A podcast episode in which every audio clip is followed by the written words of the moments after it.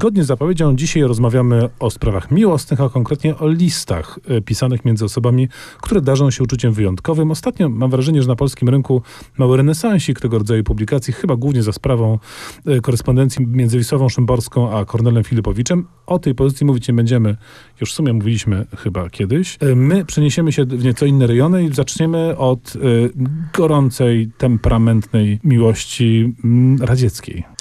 Tak, e, warto pogrzebać, bo ta książka ukazała się ładnych parę lat temu, ale w bibliotekach czy po antykwariatach można ją znaleźć. Króciutka, ozdobiona ilustracjami autora. Autorem Troszeczkę jest, różowa jest nawet na okładce. tak, autorem jest nie kto inny, tylko poeta rewolucji Włodzimierz Majakowski, a tytuł tego epistograficznego tomu to Listy do Lili Brick. Lila Brick to e, jego mm, przyjaciółka, jego miłość, jego muza, a jednocześnie żona mm, bliskiego e, przyjaciela poety i jakiś, tak? wydawcy. Taka rzeczywiście sytuacja dość skomplikowana.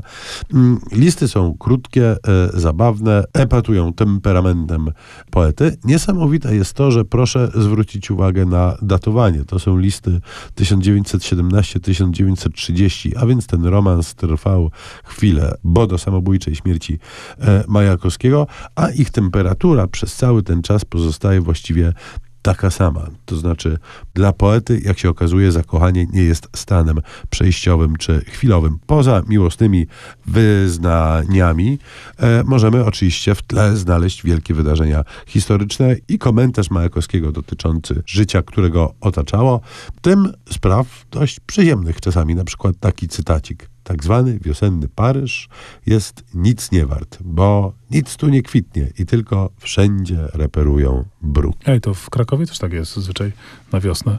Y, może, żeby wrócić do mm, nastrojów bardziej miłosnych, kolejny cytacik z innego listu. Czy to nie dziwne i nieautentycznie cudowne, że wciąż nie ma między nami najmniejszego cienia? Widzisz, najwspanialsze jest to, że wcale nie boję się cieni. Kiedy przyjdą, a przecież kiedyś muszą przyjść, do wszystkich, którzy się kochają, wydaje mi się, że damy radę je odpowiednio wymanewrować. Y, W tym fragmenciku brzmi, y, pobrzmiewa wielka miłość, ale też trochę taki praktycznego, zdroworozsądkowego podejścia do życia.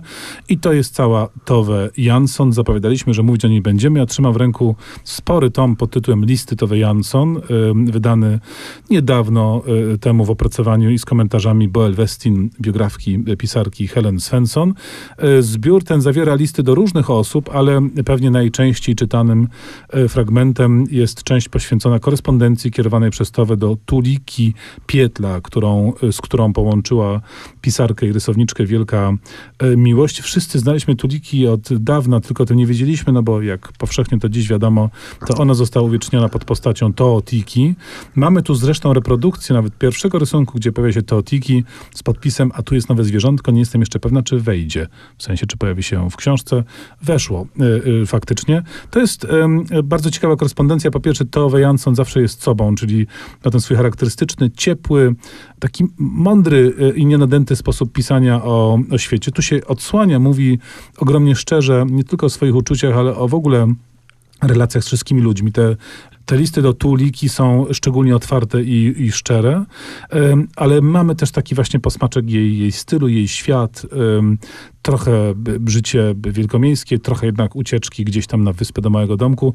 Cała Towe odsłonięta w tej wielkiej miłości, która trwała do końca życia.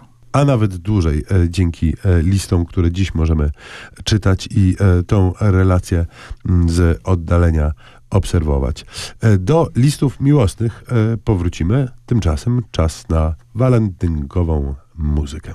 Temperatura uczuć y, osiągnęła naprawdę wysoki poziom, no to podkręćmy jeszcze bardziej Love Story. Jezu, jak ja ryczałem na tym filmie.